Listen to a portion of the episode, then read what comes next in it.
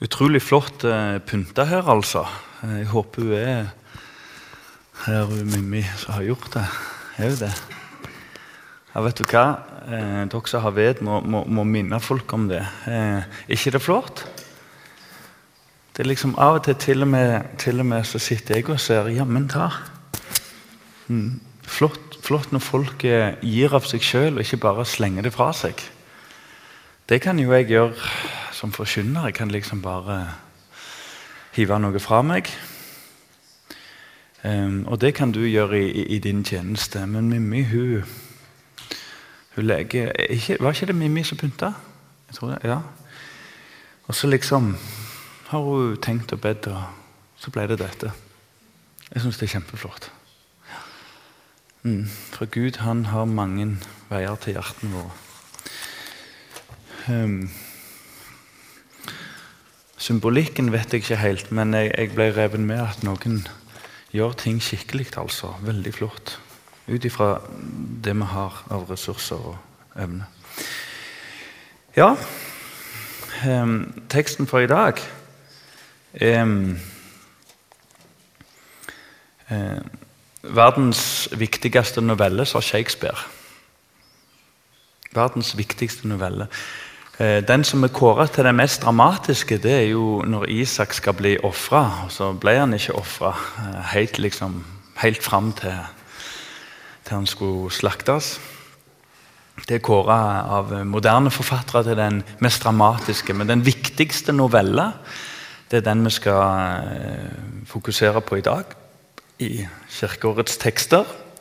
Og det er jo eh, om den, det som før het 'Den bortkomne sønn'. Nå er det den eh, sønnen som kom hjem. Og eh, naturligvis, eh, konservativ som jeg er, så tenkte jeg dette er jo ikke bra med en ny overskrift. Dette kan jo ikke være bra med en ny overskrift. For nye ting er jo ikke bra når det kommer til Bibelen.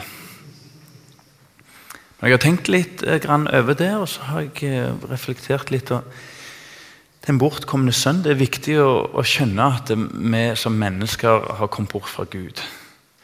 Men sønnen som kom hjem, sier jo begge deler. Både at vi gikk bort, og at det er mulig å komme tilbake til mennesket. Så jeg synes det er en Veldig fin tittel. 'Den hjemkomne sønnen'. Sønnen som kom hjem. Eh, den novella her det er jo egentlig en lignelse. Den har eh, Den fanger og fenger små barn. Det har han gjort i 2000 år nå. Og så har han gitt tjukke, tjukke bøker. Det som er litt spesielt med denne lignelsen, det er jo kun Lukas som har skrevet den. Eh, det er tror jeg, den lengste lignelsen i Bibelen. Definitivt lengste. En annen ting med lignelsen er at han um, utrolig balanserte. Og jeg ønsker sånn å ha et balansert, sunt og først og fremst solid kristenliv. Det har jeg jobba masse med. Temaet for i høst er å bygge Guds rike. Og Jeg ønsker at dette fellesskapet her skal være et solid fellesskap. At vi ikke lar oss rive med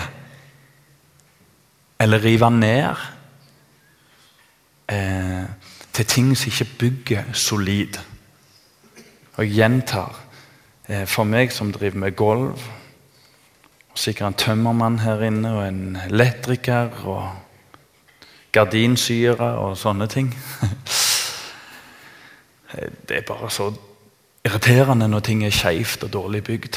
For det er jo fra begynnelsen av det. Jeg har nevnt det før en gang. Men eh, jeg husker et hus som var bygd med diagonalskeivhet på 20 cm. Det er jo katastrofe. Det endte med Jeg fatter ikke eieren gikk med på det, men det endte med at uh, muren ble tekka og stakk ut. Og det ble bygd en kloss utpå. Du kan tenke deg hva problemer det bare bygde videre. Sant? Solid. Etter Guds vilje, etter Guds ord. Og denne lignelsen her, den gir oss nettopp det. Den gir oss um, flere tanker om én sak. Og det er så bra. Når vi oppdager flere ting og ikke bare stuper inn i én side av det Gud prøver å forklare oss, og så går vi oss fast, og så omdanner vi Guds ord til det vi sjøl vil. En utrolig flott lignelse. Um, og så En ting til om lignelsen, og det er det at han um, han er rettferdig. Der står at uh, Gud er rettferdig. står der. Gud er rettferdig. Selvfølgelig på en helt annen måte enn du og jeg klarer å tenke. Men det er en lignelse som rører alle mennesker som åpner hjertet sitt og tankene sine. Fordi at uh, her går ingen fri, og Gud lov for det. Det er trøst for alle i den lignelsen. Og det er framtidshåp. Og det lokker i alle mennesker, den som leser lignelsen. Og så er det refs. Og så er det oppvåkning og omvendelse for absolutt alle. Etter vi har bedt, så skal vi se at det var to grupper som var foranledningen til hele lignelsen. Det står i Lukas 9 og vers 51 da vendte han sitt ansikt mot Jerusalem, står der, for å gå dit. Og Det var jo ikke fordi at Jesus kom på at vi skulle vært der. Eh, det er jo litt av Jesu kall og Jesu retning at nå vender han ansiktet i sin siste del, eller i sin hoveddel av sin tjeneste. Han skal til Jerusalem for å lide og stå opp og seire over synd og fortapelse. Gi mennesker et håp. Og Da står det det at eh,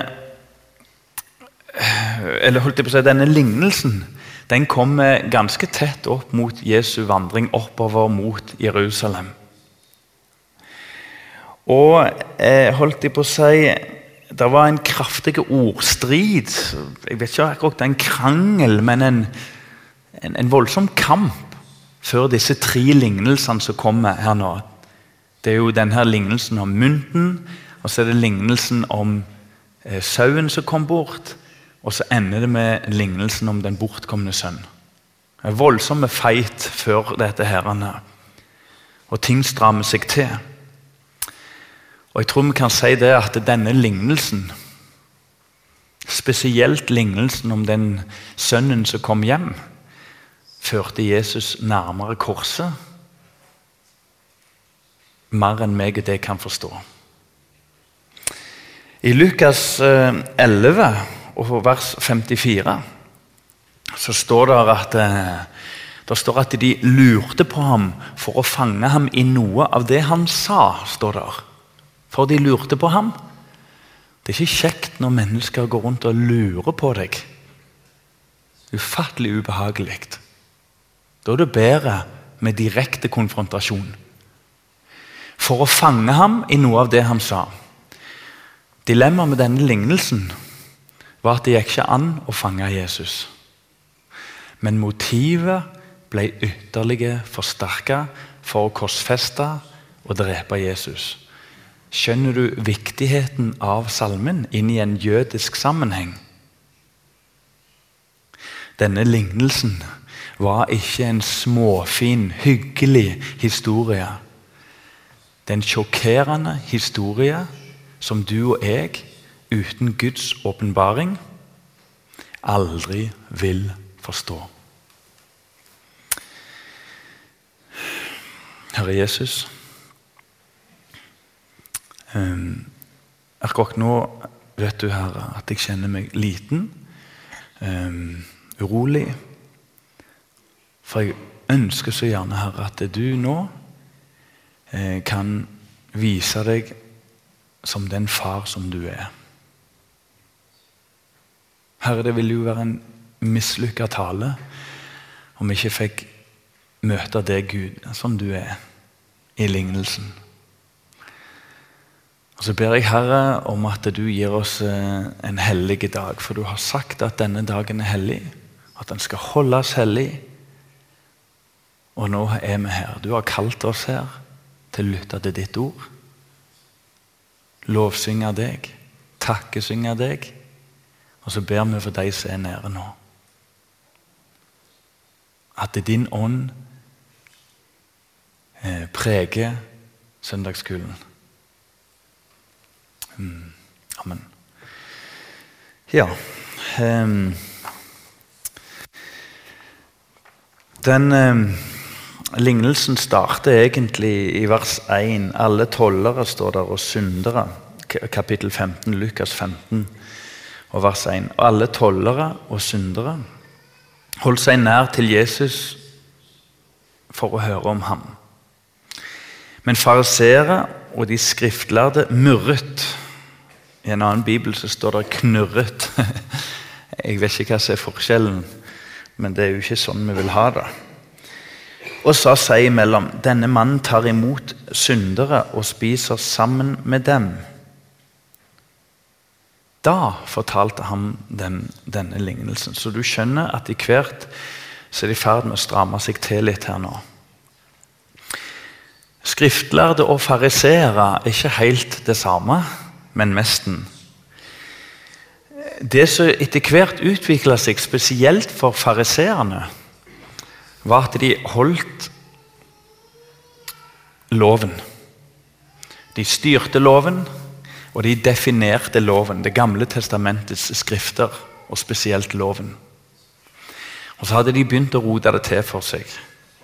For det var noen små detaljer som ble så viktige for dem. F.eks. i Lukas 15 kan du jo lese om eller Matteus 15, ble usikker, om at de var opptatt av å vaske hendene sine når de gikk inn i synagogen. Det var veldig viktig. Og Så sier Jesus vaske hendene gjør dere, men å ære mor og far gjør dere ikke. Og inn i orientalsk sammenheng, eller bare går du 50-100 år tilbake siden, så var ære mor og far mye mer praktisk enn det er blitt i Norge i dag. Det var jo en svær greie, og burde vært det òg i dag. Så de etter hvert ble skuespillere og hyklere. Og de lurte folket sitt ved å liksom holde noen bestemte kjepphester. For det verste av alt, det står ingenting i Gamle testamentet om å vaske hendene. Det var en lov de hadde lagd. Et menneskebud. Så disse kjepphestene Ved de så lurte de folket til å liksom framstå som at hvis de holder disse små lovene og herlighet, da må de være religiøse og sanne tilbedere av Gud. Noen som kjenner det igjen? Når de kristne har begynt å gripe fatt i et par ting som ikke uvesentlig. Legg merke til at Jesus sa ikke at de ikke skulle vaske hendene og slutte med det. Kan nesten virke ut som han syntes det var greit. En god ordning. En symbolsk ordning. Det vet vi ikke. Men vi vet at vi kristne har fryktelig lett for å lure oss inn i hykleriet. Fremstille oss som ekstra kristne så lenge vi holder et par små ting. Men alle de tre lignelsene som kommer her, handler egentlig om glede hos Gud, glede blant engler, glede i himmelen, og i den siste lignelsen oppfordring til glede hos oss. Det var jo den sønnen som var hjemme. Nå skal vi holde fest. Ser du hvordan lignelsene strammer seg til? Først snakke generelt og bruke en mynt. Og så blir det noe litt mer levende om en ikke er et menneske, en sau. Og kjenslene rører seg på en litt dypere måte.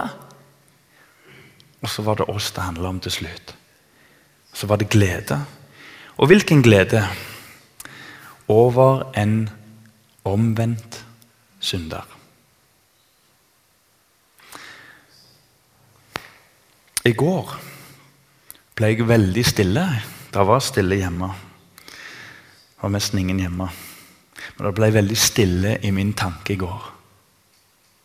For jeg begynte å tenke på når jeg var mellom 14 og 24-25 år. Så har Gud velsigna det sånn at jeg har fått vært med ansikt til ansikt, og det som heter bed til frelse. Sitt mennesker går fra mørke til lys.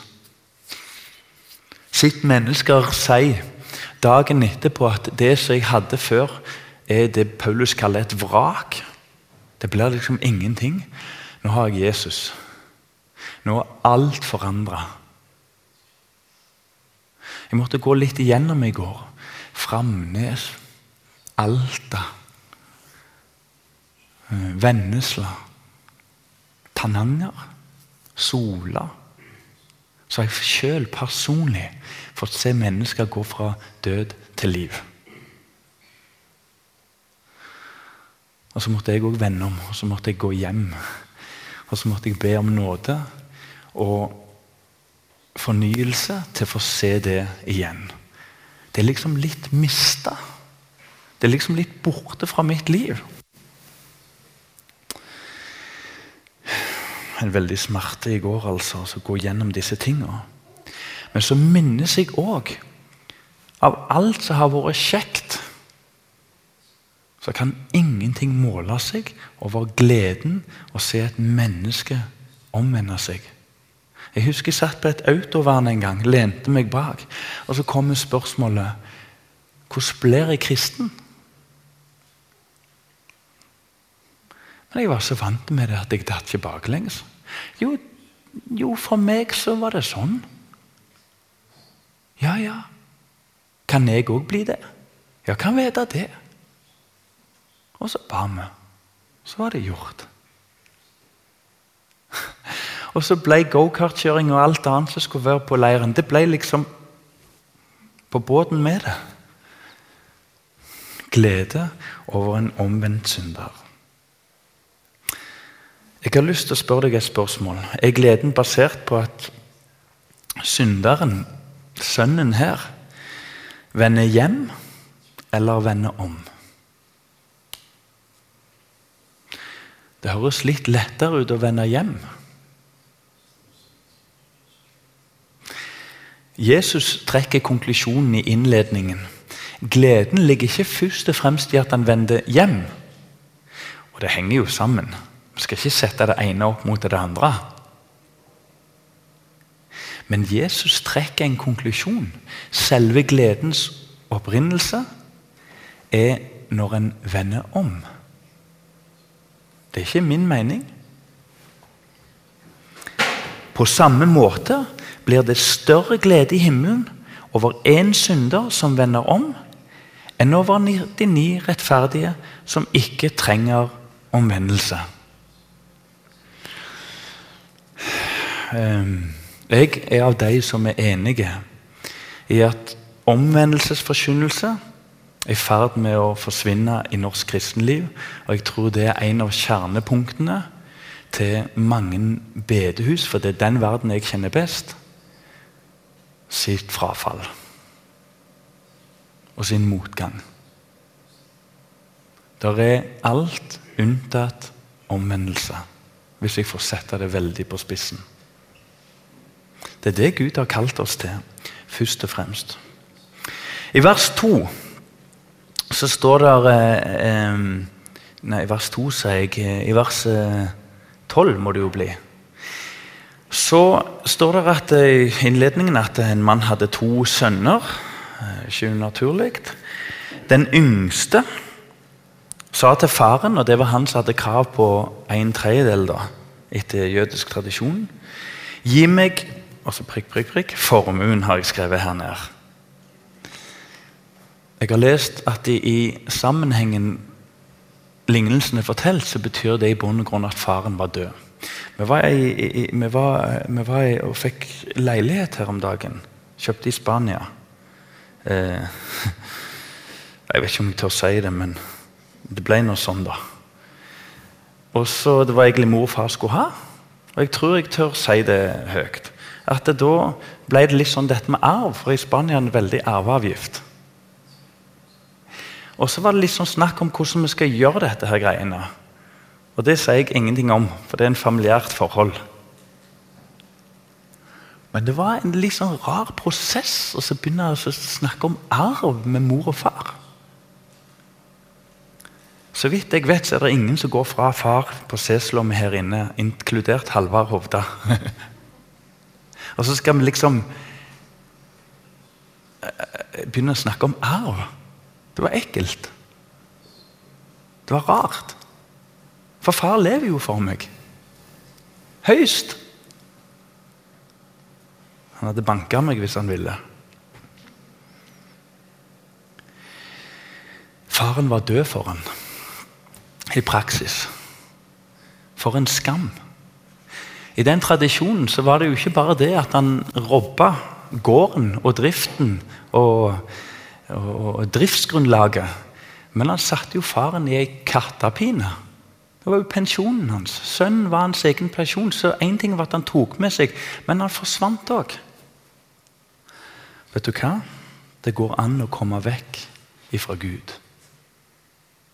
Og jeg har spurt meg hvorfor er det så mange bedehus og kirker som sitter med 10 og 20 stykker? La oss ikke lure oss til å tro at frafallet skjer mellom 13 og 16 år. Bare. Folk faller fra som 55-åringer. Folk bruker 30 år på å komme bort fra Gud. Mm. Um,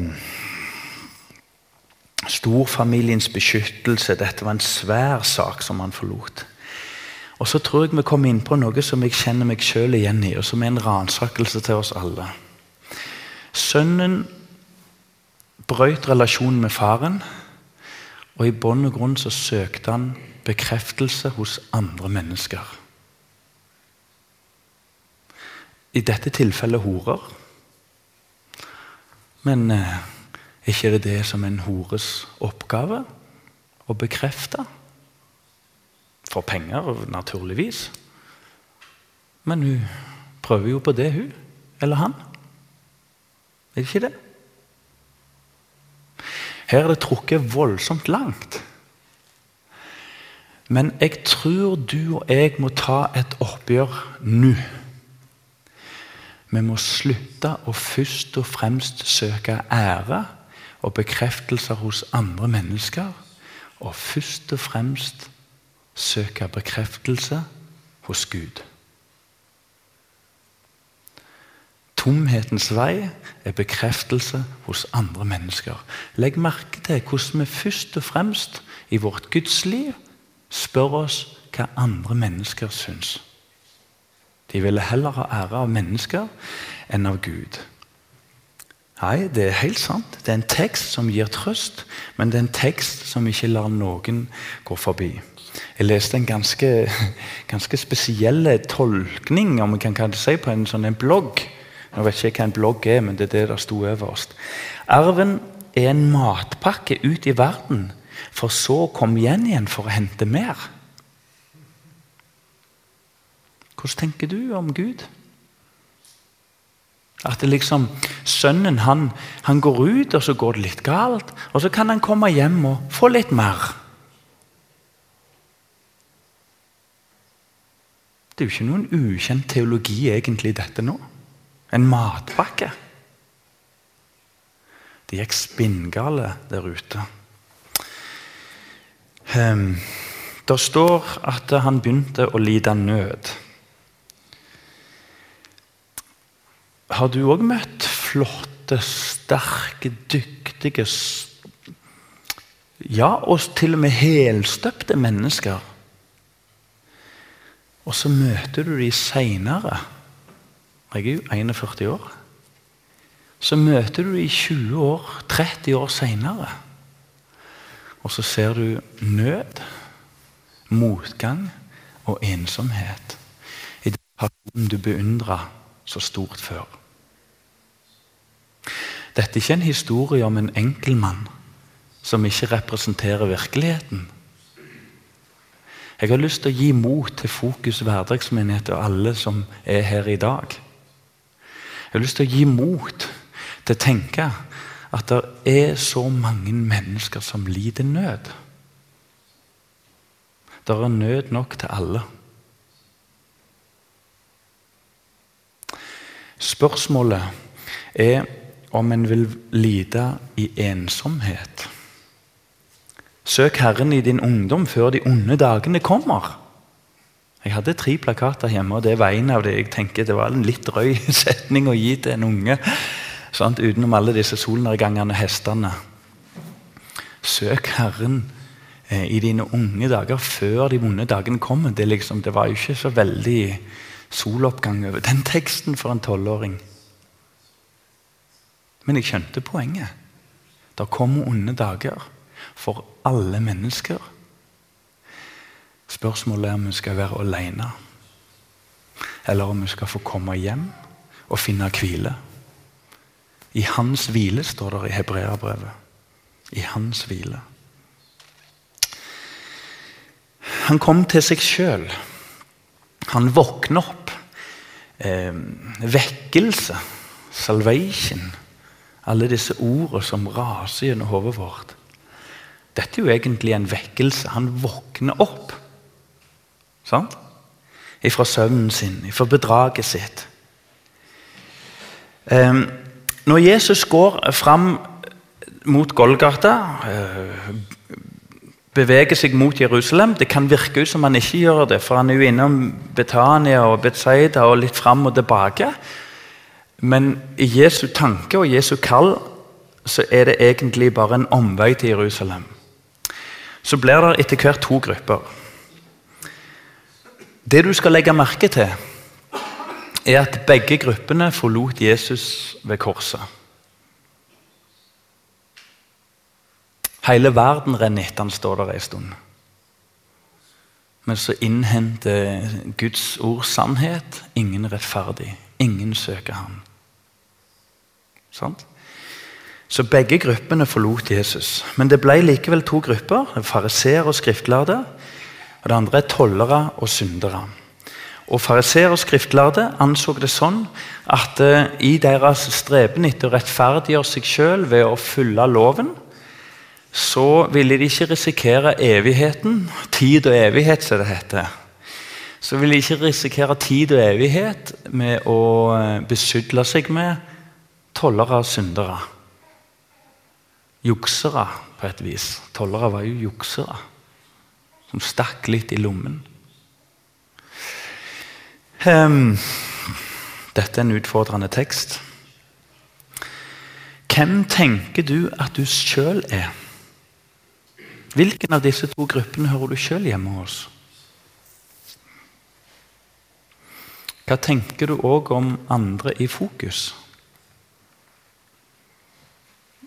Tenker du at de andre hovedsakelig er fromme og tollere, nei, og fariseere, skriftlærde, sadukere, esenere? Eller ser du på folk her i fokus som svake? Krykkemennesker som må lene seg til et annet menneske for å klare seg i dette livet? Ser du på andre mennesker her som eh, ser seg selv som syndere og i behov av Jesus. Hva bilde har du av fokus? Jeg har gjort meg mine tanker. Jeg vet det er mange ingeniører her. Det kan jeg, må jeg bare beklage. Det er ikke noe jeg gjør noe med. ja da, jeg hadde ikke sagt det hvis det var sant. Men hva bilde har du av de som går her? Jeg har lagt vekk fariseere og skriftlærde for lenge siden. For etter hvert som jeg har blitt kjent med flere av dere, så har jeg oppdaga at det er nød nok til alle. Ikke la, ikke la Satan lure deg. Ikke la ditt eget blindhet, bitterhet og selvrettferdighet lure deg til å tro at de rundt deg er så fromme. Det er gjerne de prøver. Det er for de gir rette for, og jeg eventuelt står til rette for Gud sjøl. Men det er nød nok til alle. Har vi ikke erfart det når vi passerer noen og 20-30 år? Det er bekymring nok til alle. og det er fall nok til alle mennesker. Hvis du tenker om de andre her at de er så voldsomt fromme, så kan du ha rett. Og Da skal du utfordre andre mennesker på det. For det står at vi skal rettlede, veilede og formane hverandre. Men det kan hende òg at du egentlig ikke har interessert deg for din bror. Du har ikke spurt etter livshistorien. Du har ikke leita og gitt rom for falla og motgangen og syndene som regjerer rundt oss og vil så gjerne flytte inn i oss. La den forstå for seg sjøl. Hva med deg, da? Hvordan plasserer du deg sjøl? Jesus han tegner opp liksom to, to grupper. Eh, han kaller det, den ene gruppa for en synder som vender om. Og Den andre gruppa kaller han i innledningen, eller før denne lignelsen, 99 rettferdige som ikke trenger omvendelse. Hva tenker du om Jesus? Er han inkluderende? Jeg kan vite han var det. Han var jo òg en pedagog og en diakon. Han var alt vi prøver og skulle prøve å være. Men det fins ikke et mer ekskluderende menneske som har satt sine bein på dette, denne kloden. Som har vært mer ekskluderende enn han. Han skilte den lille flokk som trenger omvendelse, mot den store flokk som ikke trenger. Jesus var slettes ikke inkluderende. Han støtte mennesker. Han kalte seg sjøl en snublestein, dvs. Si, profetene og apostlene nedtegnte ordet snublestein. En du faller ved. Men han kalte seg òg en hjørnestein. Snakk om å ekskludere. Ja. La ikke ubibelske teologer få tegne et bilde over at eh, frelsen er som ei sånn Nå glemte jeg den, dessverre. Som ei sånn der en jule vet du, sånn med engler og krybber i. Så rister du på den, og så snør det ned. Sånn er ikke nåden. Rister litt, så drysser det over liksom hele området. Nåden er for de få. Ikke fordi Gud ville det sånn. Han som ville at alle skulle bli frelst, står der i Johannes. Men fordi det var få som ydmyka seg og tok imot han. Han kom til seg sjøl. Ja hmm. Den hellige ånd har mange oppgaver. Han skal peke på Jesus. Han trøster.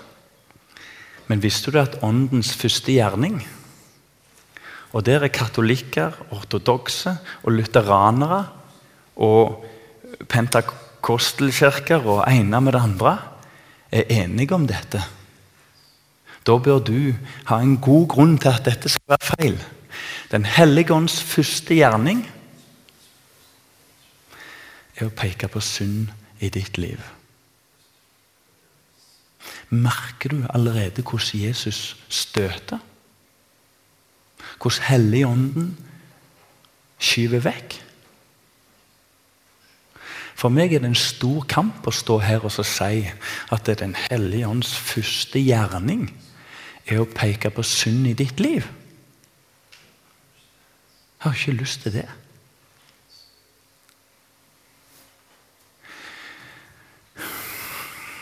Jeg har hørt mennesker si at Jesus møter alltid mennesker med nåde først. Hvor har du det ifra, du som tenker sånn? Gå gjennom Jesu møte med enkeltmennesker og se om Jesus møtte med Sakkeus oppi treet. Er det bra med deg? Ja vel. Selvfølgelig nå blir det mange flere setninger enn de som kommer frem i Bibelen. Og det var nok litt småprat òg, det må vi anta. Jesus gikk ikke av veien for å si du har hatt fem menn, og den du har nå, har du i bunn og grunn stjålet. For den er ikke din mann. Og så når det deg, og så når det meg.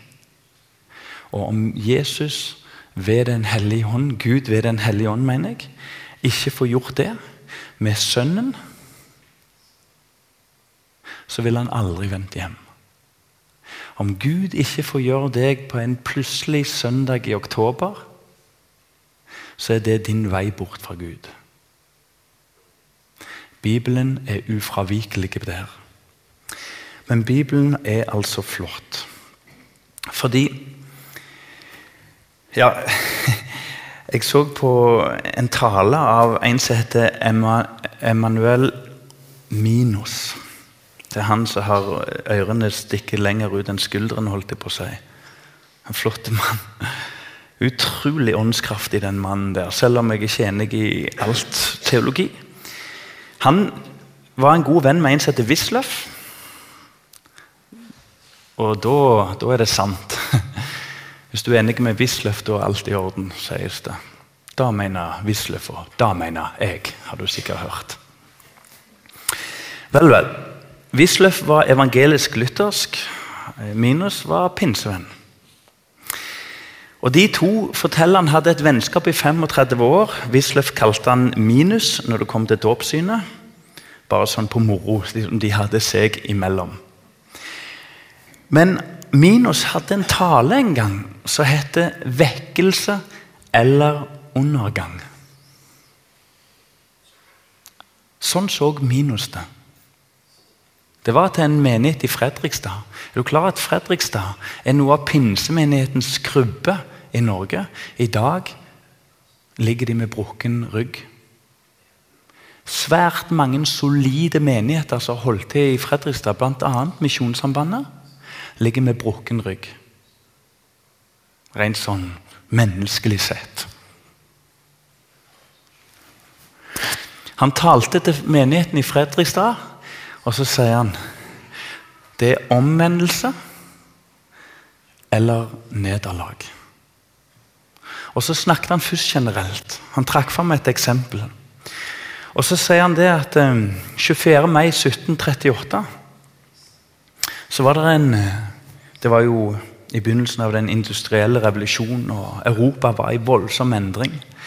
Så var det to prester på hvert sitt sted som møtte Gud ved Den hellige ånd til rystelse og ved Guds ord. Så møtte de hverandre, og så hadde de hatt den samme åndsåpenbaringen. John Wesley og uh, White, uh, Whit, um, Jeg holdt på å si Whittaker. Absolutt ikke. Whitefield. En million frelste kom der ut av den vekkelsen i England. Og så kan vi spørre Gjorde det noen forskjell? Ja, det gjorde det. Er du klar over det at Misjonssambandet er sterkt preget av vekkelsen rundt John Wesley? Det er en bevegelse, ikke bare John Wesley, men England var i en bevegelse på mange plan. Nord-Europas mest kjente misjonær, Hudson Taylor, var jo en direkte, direkte påvirker av de første misjonærene i hvert fall de som brant for misjonen og sende menigheten i Bergen. var jo direkte påvirker av Hudson Taylor og Kinamisjonen. Og så har det endra og prega hele Europa. To mennesker som hadde et religiøst forhold til Gud. Og så møtte de Jesus sterkt. Og så vendte de om. Og så ble det nytt liv og så spredde det seg. La oss ta det ett hakk ned. I 1905 Unionen oppløses. Det var en veldig vekkelse i Sverige. Blant annet så ble jo dronning Sofia med i denne vekkelsen. Langt inn i slottet skjedde dette. Bernadotte, sønnen, ble jo faktisk forkynner. Har du tenkt på det? I, ja, Nå står det stilt, hva heter den bevegelsen i Sverige? Men i hvert fall så ble jo spenningen øke, og Sverige har 100 000 oppegående, sterk, sterk militærhistorie. Norge sitter med og skrapt de sammen. Tordenskiolds sønner, holdt jeg på å si. Lekmenn. 30 000 mann. Utfallet var gitt på forhånd. Det var lovt noe støtte fra Danmark, men utfallet var gitt. Det kunne ikke gå. Men Sofia var grepen av Gud. Hun hadde blitt vekt opp, og livet var forandra. Dag ut og dag inn maste hun, som Bernadotte sier, inn i øret på sønnen sin følgende Du skal inte gå til krig mot brødrefolket i Norge. Du skal inte gå til krig mot brødrefolket i Norge. Jeg skal inte gå til krig, svarte han til slutt. Æren fikk Mikkelsen i Norge. Hvis du er litt interessert i historie, så han der svenske, var det Oskar, eller hva han heter? Ja. Når mennesker møter Gud, skjer store ting. Kan vi ta det litt ned? Hvis du ikke får oppleve å vende om, dramatisk eller i din tørrhet, som en soloppgang, sakte, men sikkert, eller radikalt, som om du skrur på lyset, så blir kristenlivet livet ditt en fortsettende kamp på en måte som Gud ikke hadde tenkt. Kanskje du er den ektefellen som stadig henger etter. Kanskje er du den mor som stadig sløves. Kanskje er du den faren som vil litt. Ja, men Da er det kun et møte med Jesus som hjelper. For når brannen ikke er der, så blir det lovtrelldom og en evig lang kamp. Håper du skjønner at dette er ikke så enkelt å snakke om. Jeg er jo et alvorlig menneske, er jeg ikke det? Um, æren gikk til Mikkelsen. Eh, Mikkelsen, ja, sto der i historiebøkene. Jeg har bare lyst til å ta en liten ting. Jeg prøver å trekke det ned dette her nå. Hvis vi kan få opp Galatane 5.19 og fortfølgende. Jeg husker jeg var på møter før i tida. Har du sett din sunn? Gikk igjen i mange sanger. Har du sett din sunn? Ja. Kjempehyggelig å komme her på søndagen og liksom skal vi se vår synd. Vi får opp Galaterne 5,19 Kjøtets gjerninger er åpenbare. Var ikke det en bra setning? Det er ikke så vanskelig å se dem. Det er slik som utykt. Vi driver ikke med utykt, gjør vi. Urenhet. Skamløshet. Vi fortsetter avgudsdyrkelse. Det er vel ingen her inne som dyrker avguder? Tilbedere. Trolldom. Jeg har vært i flere heimer jeg, som driver med trolldom. Noen har sagt det, og noen har prøvd å skjule det. Ja. Men det gjelder jo ikke oss, disse tingene. Gjør det det?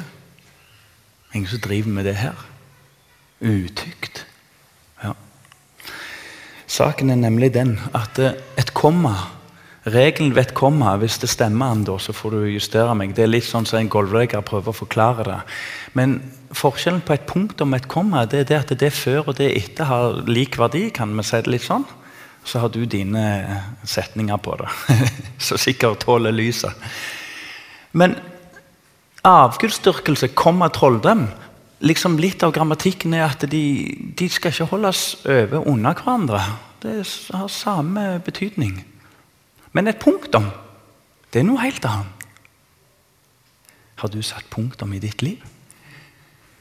Fiendskap, trette, avundssyke, sinne, ærgjerrighet, splittelse, partier. Vi fortsetter. Partier har vi videre. Misunnelse, mord, drukkenskap. Svirelag. Bare hør ordet. Svirelag. Hva er det? Og annet slikt. Og om dette sier jeg dere på forhånd, som jeg også før har sagt dere, de som gjør slikt, skal ikke arve Guds rike. Hvor plasserer du deg hen? Jeg tror det er tid for å legge vekk alle de andre og lese seg sjøl inn og måle seg sjøl på Guds ord. Ikke søk rettferdighet, hva andre sier, om du trykker 'liker' på nett, om du får et vennlig blikk eller en mottagelse. Mål deg først og fremst på Guds ord. Og så tror jeg vi alle skal se at vi trenger å vende om. Eh, David han sier det ganske dramatisk i Salme 51, vers 13. Ta ikke fra meg din hellige ånd. Sønnen gikk hjem. Kan du gå hjem? Kan du komme til Jesus?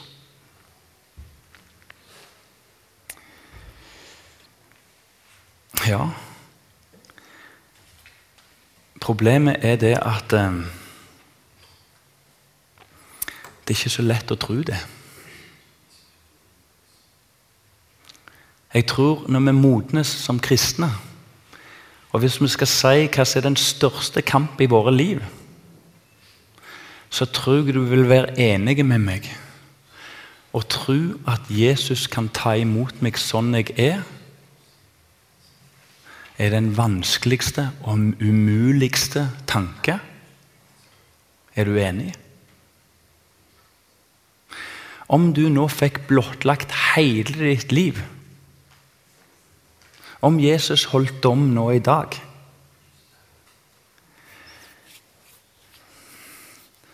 Kan du tro at Gud tar imot deg? La oss avslutte med det, da. Den første som fikk utenom Elias og disse her i Gammeltestamentet, som fikk sine spesielle ferder Den første som fikk smake Guds nåde, hang jo på et kors og har gjort ting som antakeligvis han kunne krysset for omtrent alt på lista. antakeligvis. Han ble jo dømt til døden, og det var en viss rettferdighet i Roma. Ja. Han var den første som fikk nåden. Bare med en sånn hentydning kunne du huske på meg. Jeg har med tau i dag. Jeg syns ikke jeg traff sist gang. Um, hvor mye holder dette tauet her? Jeg vil ta eksempelet en til gang. Hvor mye holder det? Satser vi på 100 kg? Nå drar jo jeg 200. Så det holdt jo, det. 100 kilo. Selvfølgelig gjør det det. Jeg tipper 2000 kilo på dette tauet, hvis jeg skal gjette. Hvis du ikke henge deg sjøl, det var jo et fryktelig uttrykk, men hvis du lar deg henge ja, Hvordan skal jeg si det? Hvis du blir bonden i dette tauet i ei blokk her nede og hengt ut føre, holder det da 100 kilo? Selvfølgelig gjør det det. Men det er jo ikke vanskelig å skjønne at troen svikter når du henger der. Og Ingen som liksom tenker at selvfølgelig holder det, så da bare henger jeg meg utføre der. Det er fordi at troen din er knytta til ditt eget hode og til, din egen, til ditt eget jeg. Det er jo dette som avgjør om du henger, er det ikke det? Jesus har sagt gjennom lignelsen at før sønnen hadde tenkt på å gå hjem Objektivt så sto han med åpne hender. Så du det flotte hvordan hun la, liksom, la kappa si rundt denne lille jenta? Var ikke det flott? Så når du kommer i stuss og tvil om det er nåde for deg Når vi slutter å se på alle andre og henge oss opp i det så skal vi vite at rent objektivt sett så sier de to første lignelsene med tydelighet at mynten gikk ikke rundt og trilte og så etter husfruen. Og sauen gikk ikke rundt og leita hvor er gjeteren min. Det var motsatt. Det er jo hele lignelsens poeng. Faren sto og speida. Det store syns jeg at faren lar sønnen gå. At han gjør det, begriper jeg ikke. Og du er fri til å gå til Jesus, og du er fri til å gå fra Jesus. Tauet holder. Faren sto og speidet etter han lenge før han hadde tenkt å se. Og så er det en ting jeg oppdaga nå, i en tekst jeg har lest så mange ganger. Når han kommer hjem, denne sønnen, og står uten sko, står det at han kom hjem. For en vandring. For en hvileløse vandring. Så går faren til det voldsomme nådeskrittet at han sier 'skynd dere'. Og Det er en hilsen jeg har lyst til å gi til alle i kveld, i dag. Jesus, eller far, har ikke lyst i sin egen fryd å se deg svømme i din egen dype bekjennelse. Gud har ingen behov for sin egen del. At du offer og okker og mattes av din lave eller manglende åndelighet. Han sier 'skynd dere'. Finn fram klær, finn fram sko, ring på fingeren og slakt gjøkalven. Er ikke det flott? Her er vi samla i dag, og Jesus lengter etter å møte oss med nåde.